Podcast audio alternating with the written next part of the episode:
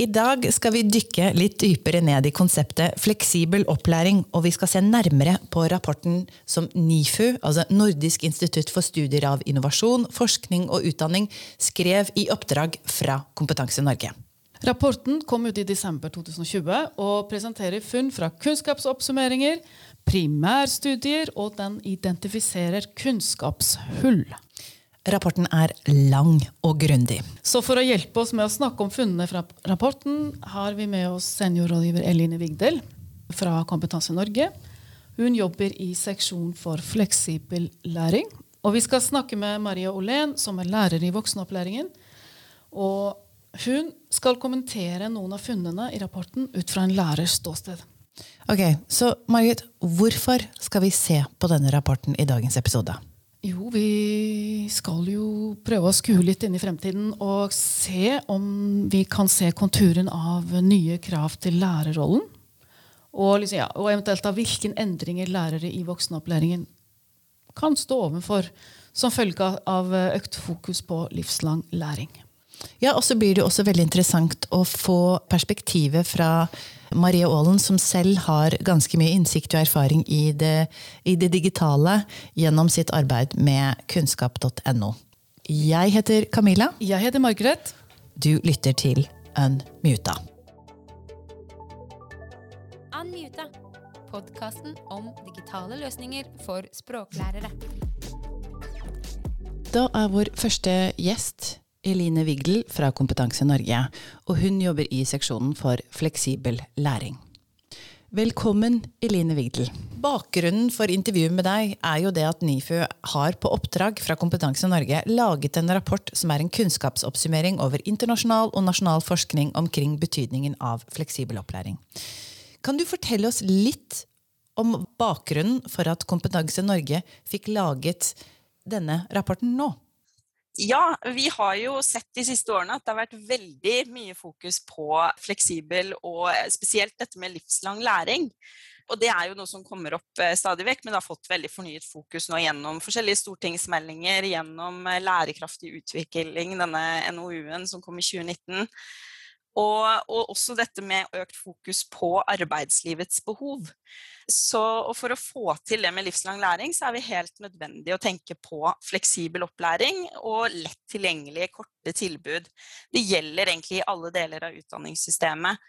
Fra helt ned på arbeidsrettede kurs, via grunnopplæringen, fagskole, høyskole, universitet. Det vi også har sett, er at man i lang tid har tenkt på fleksibel opplæring som det samme som nettbasert opplæring kanskje har gått litt i den fella at nå er alt nettbasert og digitalt, og da er det fleksibelt og tilgjengelig for alle. Fordi at man kan sitte hjemme og gjøre det, eller bruke tidslommene sine, som var et veldig populært begrep en stund. Men det vi ser, er jo at eh, fleksibel opplæring for alle innebærer mye mer enn det. Så vi begynte å jobbe med definisjonen vår og hentet kunnskap fra forskjellige kilder der, og så at det var behov for å se på hva slags forskning som var gjort på, på temaet. Så derfor så fikk vi inn NIFU til å gjøre det oppdraget for oss. Kunnskapsoppsummeringen berører følgende to problemstillinger. Hva kan gi fleksibilitet i opplæringen? Og hva kan fleksibilitet i opplæringen resultere i eller bidra til? Da har jeg lyst til å bare gå rett på den første problemstillingen. At du, hvis du kan utdype den for oss, hva kan ifølge rapporten gi fleksibilitet i opplæring? Ja, altså det, En utfordring med denne hele, altså hele oppdraget egentlig, og rapporten er jo dette at det ikke finnes noen felles definisjon i litteraturen og i blant de som både ha, eh, gjennomfører og har tilbudene, og også de som forsker på det. Sånn at man bruker jo ofte sidestiller på en måte e-læring, nettstudier, digitale opplegg, fleksible, og kaller dem fleksible under en sånn stor paraply. Da. Så det kan ofte være litt sånn vanskelig å hente ut akkurat hva det er som er fleksibelt i dette. Men det vi ser i rapporten og, og i de studiene som er gjort, er at dimensjonene for tid og sted, og i noen grad innhold, er det som dominerer forskningen så langt. Og det at man kan gjøre noe fra hvor som helst, er, eh, er en gjenganger. Da. Altså at det er noe man tenker skaper eh, fleksibilitet. Og så er det en del som ser på dette med valgmuligheter i innhold. Altså spesielt eh, aktiviteter som har preg av informasjonsoverføring. Altså som hvis man tenker på dette med flipped classroom eller omvendt undervisning. Og, og, det at man kan velge litt hvordan man får den informasjonsoverføringen, som kanskje tidligere var knyttet veldig til læreren i klasserommet som sto og fortalte. Så har man isteden da kanskje videoer eller tekster, og at man har litt valg og variasjon i de ressursene, er med på å skape fleksibelt opplæring innenfor innhold. Vi ser også at uh, dette med sosiale medier og andre kommunikasjonsplattformer skaper gode muligheter for fleksibilitet i samhandling. Selv om det ikke er berørt veldig mye i rapporten, så er det noe som dukker opp flere steder gjennom de ulike studiene og kunnskapsoppsummeringene.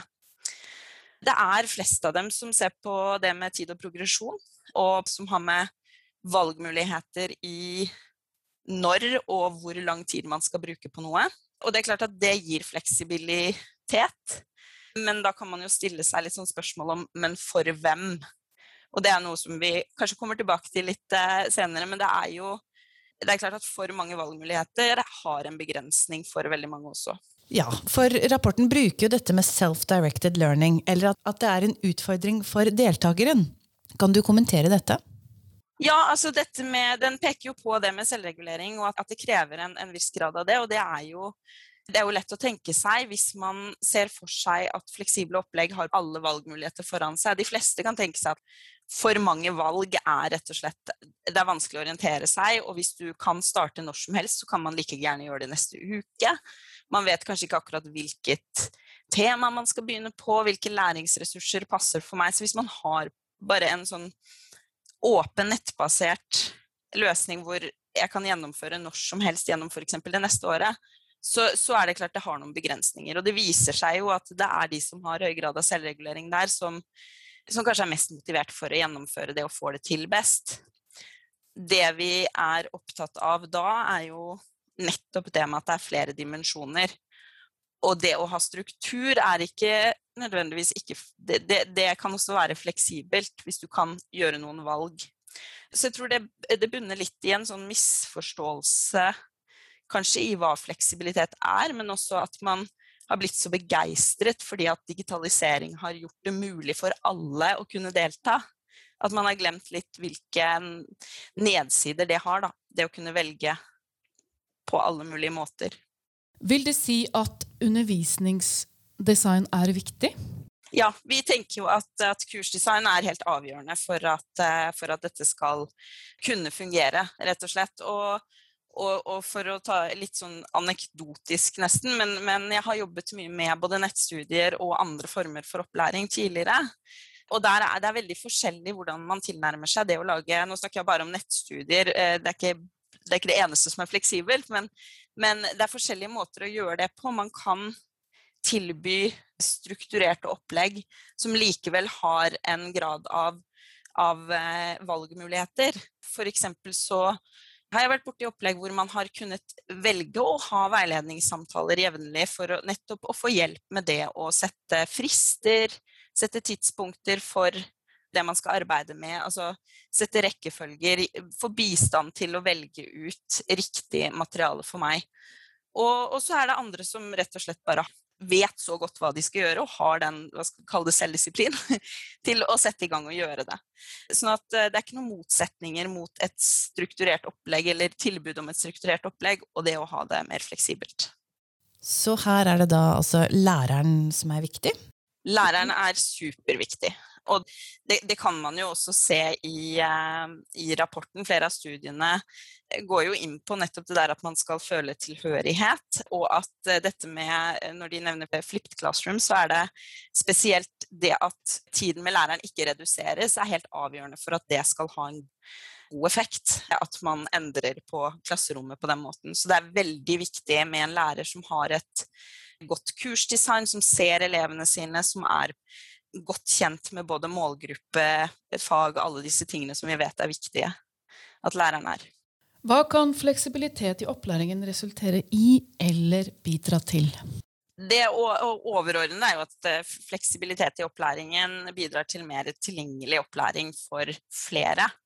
Og også at, at man kan gjennomføre opplæring mens man er i jobb.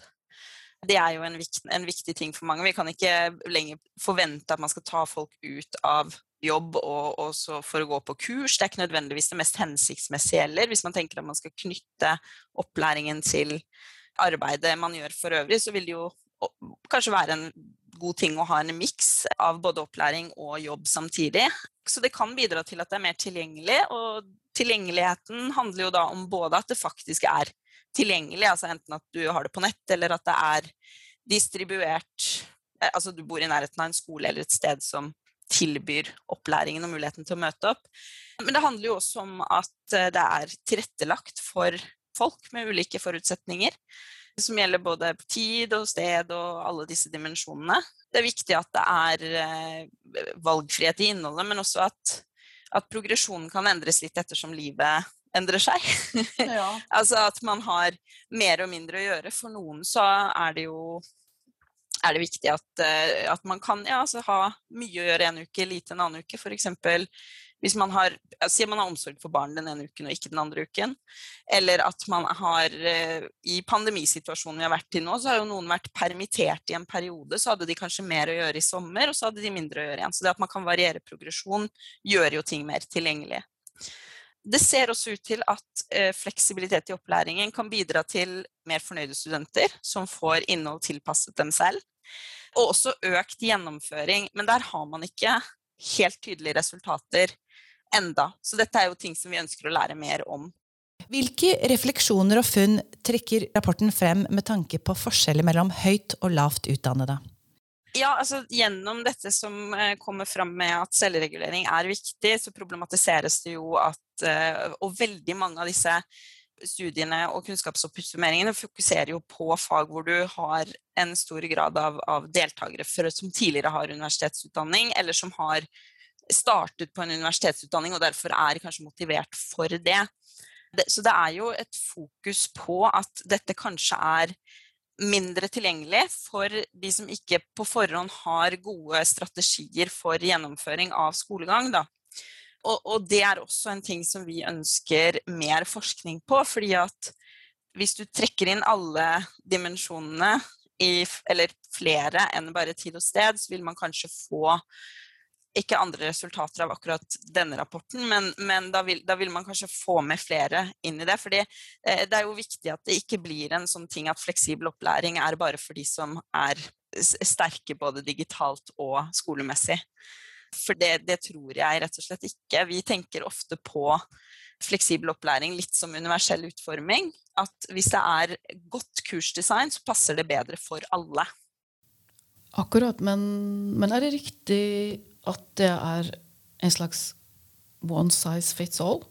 Er det det du sier? Altså det jeg sier, er at hvis det er gode altså, Og her eh, må vi ta noen forbehold. Det er alltid rammer rundt opplæring. Alle har ikke muligheten til å tilby opplæringen sin på 15 forskjellige stedbaserte lokasjoner i Norge. Og eh, noen er begrenset av timetall og regelverk og lovverk. Men ved å tenke fleksibelt Jeg har litt lyst til å å trekke fram eh, den podkastepisoden deres fra 8. april. Der er det veldig gode eksempler på hvordan man kan tenke på dimensjonene for fleksibilitet når man designer et kursopplegg. Og der er det jo også veldig sånn fokus på læreren som designer i denne verden av informasjon og, og overveldende mengder med både ressurser og samhandlingsplattformer. Og jeg tenker at det vi har gjort så langt i i eh, utvikling av kurs og studietilbud, er jo å tenke litt one size fits all. Det er en slags sånn undertone av at hvis man Altså av at den tradisjonelle undervisningen er det som er den riktige undervisningen, og så må vi tilby noe annet til de som ikke kan møte opp, f.eks. Og da får det en sånn Da får man en undertone av et B-løp, uten at det egentlig trenger å være det. Det passer ikke for alle å møte i en forelesningssal og sitte og høre på noen. Det passer ikke for alle å gjøre lekser hver kveld. Altså det, er, det, er, en del sånne ting som ikke passer for alle. Så sånn det vi må tenke mer på, er hvordan kan vi Altså hva skal vi lære? Så må vi se på hvilke alternativer kan vi gi. Fordi jeg skjønner at for lærere så oppleves det som overveldende og, og mye krav. Først så skal det digitaliseres, og så skal jeg designe ett tilbud til hver enkelt elev. For det er jo ofte det det høres ut som. Men man kan ved enkle grep da bruke kanskje dimensjonene for fleksibilitet og se litt sånn hva, okay, hva kan vi gjøre? Hvilke rammer har vi, og hva kan vi gjøre innenfor de? Hvilke nye krav stilles til lærere innen voksenopplæring som følge av økt og fornyet fokus på fleksibel opplæring og digitalisering? Dette var et uh, ganske stort spørsmål, men kan du gi oss lærere i voksenopplæringen noen knagger å henge dette på, så vi vet hva vi skal orientere oss mot for å bli bedre på dette og for å øke kompetansen vår? Ja, det er jo et stort spørsmål, og det er jo også det er jo også litt sånn vanskelig å, å, koke helt ned. Men for lærere i voksenopplæringen så blir det jo spesielt viktig å tenke på eh, Da har man jo en eh, man har klasser med elever, og man har noen rammer som er satt. Det, er det som er viktig å tenke på, er jo i hvilken grad man eh, Altså hva kan man gjøre med Hvor begynner man med innholdet, f.eks.? Altså kan, det, kan innholdet gjøres noe mer. Jeg syns jo det var veldig mye godt om eh, dette med flipped classroom og omvendt undervisning i rapporten. Og selv om det ikke i seg selv er fleksibel opplæring, så er det kanskje et godt sted å starte, fordi det er, altså det er noe som mange har et forhold til allerede. Og det man ser så, var vel at så lenge man ikke reduserer tiden med læreren, så vil jo dette med å, å bruke tiden i klasserommet til samhandlingsaktiviteter, til kanskje ulike samhandlingsaktiviteter fordi man har folk med forskjellige forutsetninger i det klasserommet. Altså, når jeg sier klasserommet, så mener jeg liksom digitale klasserom eller fysiske klasserom. Og at man ser på kan vi variere i samhandlingsaktivitetene der, og også i innholdet som gis. Noen foretrekker å lytte, noen, noen trenger å både lytte og lese, noen video. Altså uten at man skal selvfølgelig bruke ekstremt mye tid på å lage mye nytt innhold, så, finnes, altså, så har man jo ofte litt forskjellig man kan tilby. Så det å sette det viktige i fleksibel opplæring, sånn som vi ser det, er jo å sette den lærende i sentrum. Ikke ved at den lærende skal kunne ha alle valg i verden, men å lage opplæring ut fra dennes forutsetninger og behov. Og det er jo det tror jeg lærerne i voksenopplæringen er veldig flinke til og er veldig vant til å gjøre. Kanskje, eh, ja. Men, men at man tar tak i måte de undervisningsprosessene man har, og ser hvor er kan, er det jeg kan gjøre noen endringer langs de dimensjonsaksene. Da. Eh, det er ikke sikkert man kan gjøre noe med vurderingsformen. Det er ikke sikkert man kan si at alle trenger ikke møte opp, men det kan hende man kan gjøre noen, noen småting. Og der har jeg igjen lyst til å henvise til den utrolig gode eksempelet fra 8. april, da, rett og slett. Hvor man tok tak i de tingene. Så egentlig kan vi kanskje si at fokuset er på læreren som designer. Og at man kan da bruke kriteriene for fleksibel opplæring til å se på undervisningsoppleggene sine og se ok, kan jeg justere dem litt til å bli mer fleksible. Er det en måte å se det på? Det kan være en god start. Altså man heller, at man bruker det som et, et verktøy. Da. Jeg ser av og til for meg disse dimensjonene som en slags sånn dashbord, hvor jeg har knapper som jeg skru, altså kan dra langt eller kort. Altså, og tvike litt, så har vi kanskje mye fleksibilitet på tid, da. Eller vi kan gjøre noe med progresjonen. Altså noen, noen, gjennomfører raskt, noen gjennomfører langsomt, sånne ting. Kanskje vi kan gjøre noe med innholdet.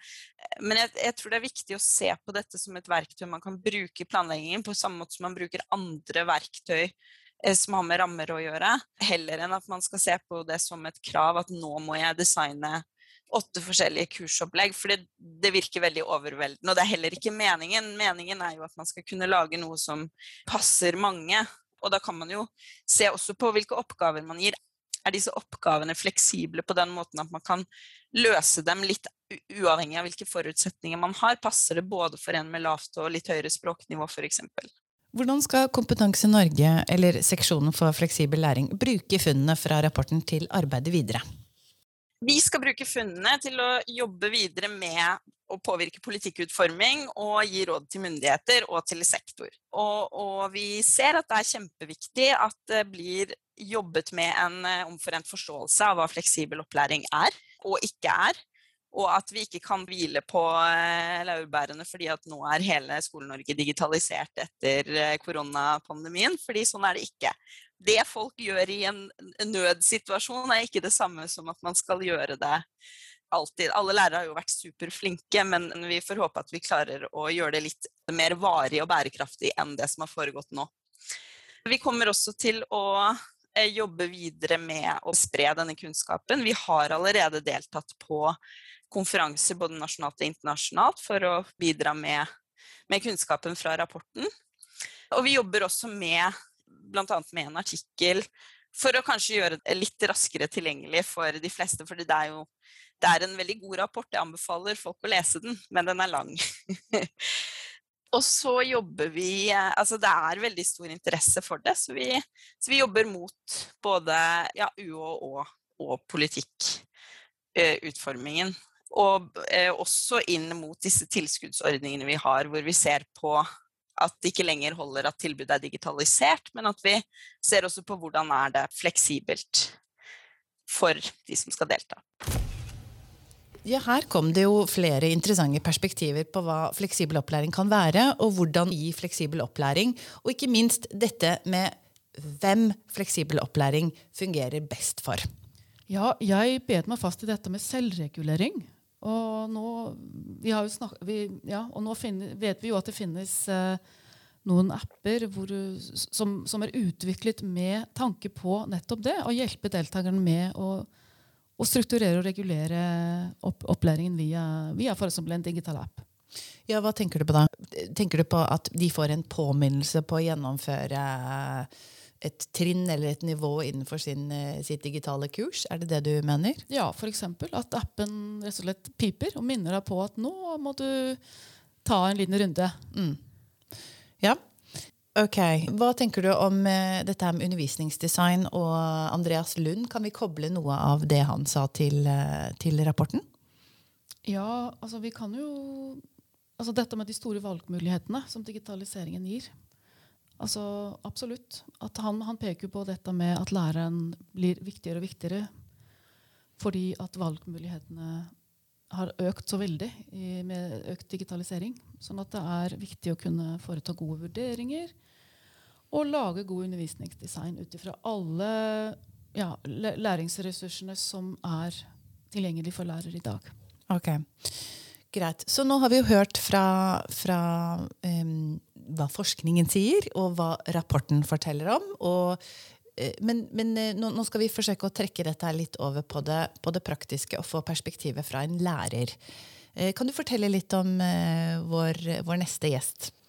Ja, Læreren vi har med oss i dag, heter Maria Aalen.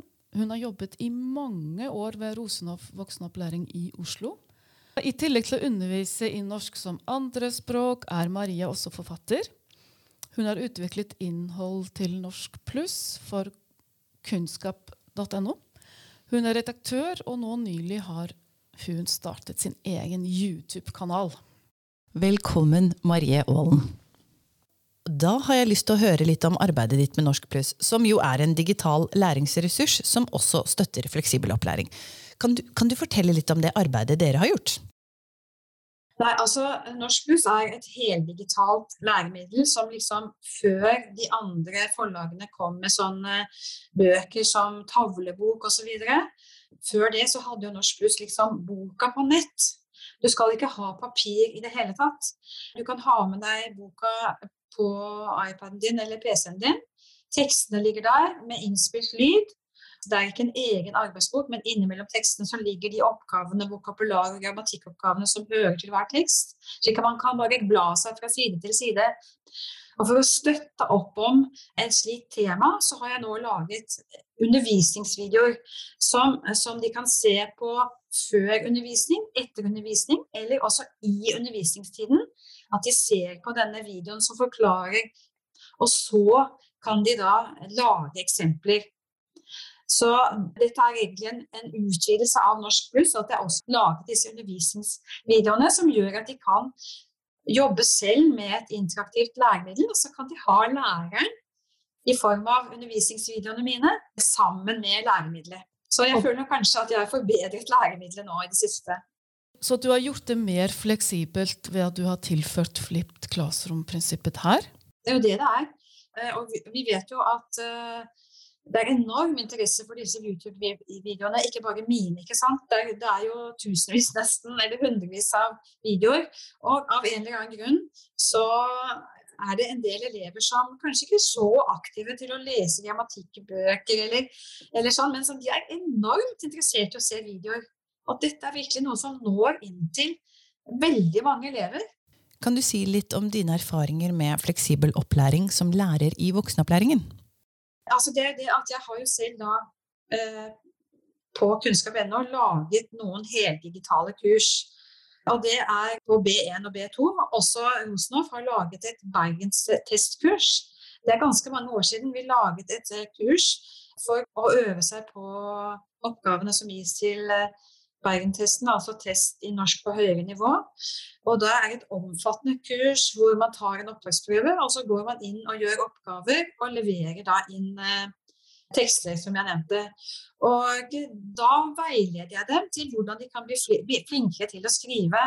Og det er veldig effektivt for elevene at de kan ha en jobb, og så kan de da studere når de vil selv, i helger og på kvelder og netter, som mange gjør. Og ellers så har jeg selvfølgelig drevet med hjemmeundervisning eh, både i fjor og nå siden jul på Teams. Og på høyere nivåer som jeg har akkurat nå. Og så er det dette her med eh, hjemmeundervisning for de lavere nivåene. Det tror jeg må være ganske vanskelig på begynnerundervisning og A1, A2. Selv om jeg ikke har hatt det selv, så tror jeg kanskje det blir mer utfordrende. I rapporten nevnes det at selvstudium innen fleksibel opplæring på nett noen ganger kan være utfordring for noen elever fordi de ikke håndterer dette med selvregulering. Har du erfaring med dette? Det som jeg har gjort da, er at jeg har laget en arbeidsplan til elevene, slik at de ser hva de må gjøre hver uke. I hvert fall av det kurset som vi har lagt ut på Bergentesten, så har de fått en arbeidsplan. Men det er klart at når det gjelder eh, norsk pluss-kursene på lavere nivåer, så har ikke jeg vært eh, så mye veileder der. Men jeg tror nok absolutt at de som er da på lavere spor, på spor to med lavere utdanning, vil ha større problemer med å jobbe disiplinert hver eneste dag, hver eneste uke.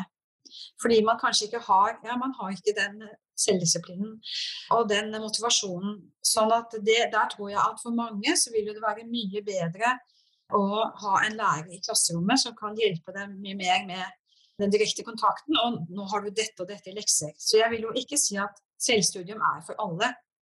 Rapporten er også inne på nye krav til lærerne, og da også nye krav til lærerne i voksenopplæringen. Og som vi hørte, så trekker Eline Vigdel frem at man gjerne har sett på den tradisjonelle undervisningen som den riktige undervisningen, og alternativet for de som ikke kan møte opp, som en slags B-løsning. Men nå ser det ut som det går mot en utvikling der ulike former for fleksibel opplæring blir den nye normen. Det betyr at lærerne bl.a. bør kunne vurdere, eller bør bli bedre på å vurdere og designe god fleksibel opplæring. Har du noen kommentarer til dette? Ja, det er jo det at eh, det er jo skolen som organiserer vår undervisning. Vi har jo timeplanlagt undervisning, slik at tradisjonelt nå som det ikke, når det ikke er epidemi da, og hjemmeundervisning, så er jo vi i klasserommet. Så det er liksom opp til skolen å forandre på det. Og jeg tror også at veldig, eller en del lærere syns jo sikkert at det er mer slitsomt å sitte foran en skjerm enn det å være i klasserommet. Og i klasserommet så kan vi liksom blomstre med alt vi har, eh, og armer og mimikk og alt mulig, ikke sant. Slik at jeg vil jo si at klasserommet fortsatt er det beste stedet å undervise. Men samtidig så tror jeg også at mange lærere har opplevd at eh, pga. korona så har vi måttet uh, endre undervisningssted. At vi underviser gjennom team. Så mange har følt, tror jeg, at det har gått stadig bedre. Og det har sikkert åpnet opp uh, for, at vi, for at vi også kan undervise på andre måter i framtiden. Ja, Eline Vigdel trekker fram egentlig akkurat det samme det du sier, med at i voksenopplæringen er rammene satt, men da er det kun innholdet som det kan gjøres noe med. Og at da kan læreren f.eks. fokusere på bruk av tiden i klasserommet, også i det digitale klasserommet. Og bruke den til ulike samhandlingsaktiviteter. Eh, men f.eks. gjør som du påpekte med å legge innholdet ut, sånn at det er tilgjengelig på en mer fleksibel måte. Ja, og det er også det å lære elevene at det er flere ting de kan gjøre hjemme enn kun å gjøre oppgaven i arbeidsboka. Jeg har lagt ut en del videoer som handler om studieteknikk. Og da har det noe å gjøre det at man kan bruke tid på å lytte til lydfiler eller radioprogrammer eller sånt noe, med pauseknapp. Man kan lytte mer, gjenta mer. At man kan eh, lese tekster nøye og bruke en spesiell metode med å oversette teksten fram og tilbake. Det er veldig viktig. Dette her å bli kjent med altså Elevene deltakerne trenger å vite mye om samfunnet for å klare å bestå B2, fordi de skal argumentere og ha mening om veldig mange forskjellige temaer. Og hvis man gjør mer av de bundne tingene, disse tingene hjemme, så blir det mer tid til å snakke sammen i klasserommet. Hva er din umiddelbare reaksjon som lærer i voksenopplæringen på funnene i denne rapporten? Ja, I rapporten så nevnes det at uh, sosiale medier kan skape god fleksibilitet i samhandling. Og Det er nettopp uh, noe jeg har gjort litt, fordi at jeg pleier alltid å opprette en Facebook-gruppe for klassen. Og det kommer da i tillegg eller istedenfor It's Learning. Fordi It's Learning det er jo eh, noe som er veldig praktisk å bruke, men det er en enveiskommunikasjon. De kan legge inn tekster der, men de kan ikke kommentere. Men på min Facebook-gruppe, eller klassens Facebook-gruppe, så kan de også komme med reaksjoner og egne lenker og e, egne tilbud og sånn. Så Derfor så synes jeg at, at det er en har vært litt fint med Facebook. Eh, problemet er bare at det er ikke 100% av elevene som vil delta. Eh, det er alltid et par stykker som sier 'jeg er ikke på Facebook'. Men eh, jeg liker å få denne samhandlingen med elevene. Det andre punktet er, som ble nevnt i disse funnene, er at økt fleksibilitet kan, i undervisningstilbudet da, kan gi større tilgang på opplæring for dem som allerede er i jobb.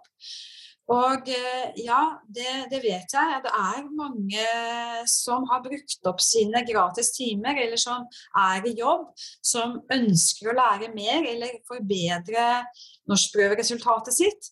Og eh, nettopp for dem så kan et selvstudium med veileder eh, være veldig nyttig. Altså at de i hovedsak lærer selv med et interaktivt kurs og så leverer de inn tekster skriftlig eh, og kan møte en veileder muntlig. Det er det mange som har eh, behov for. Ja, veldig fint å få inn eh, lærerperspektivet, og veldig interessant det hun sier om bruk av sosiale medier som et som et verktøy for å stimulere til synkron og asynkron læring. Og så, så, hvis vi skal kunne oppsummere fra episoden i dag, så er det jo dette her med at det er, det er et dilemma med selvregulering. Altså hvordan deltakeren skal kunne på bakgrunn av eh, altså utdanningsnivå være selvstendig nok til å kunne jobbe fleksibelt. At det er jo noe som, som det rettes fokus mot. Ja. Og så kan vi også si at dette her med undervisningsdesign henger nøye sammen med fleksibel opplæring, og at læreren ja. må kunne vurdere og sortere og sjalte ut det som er mest eh, brukervennlig i en fleksibel læringssituasjon. Ja.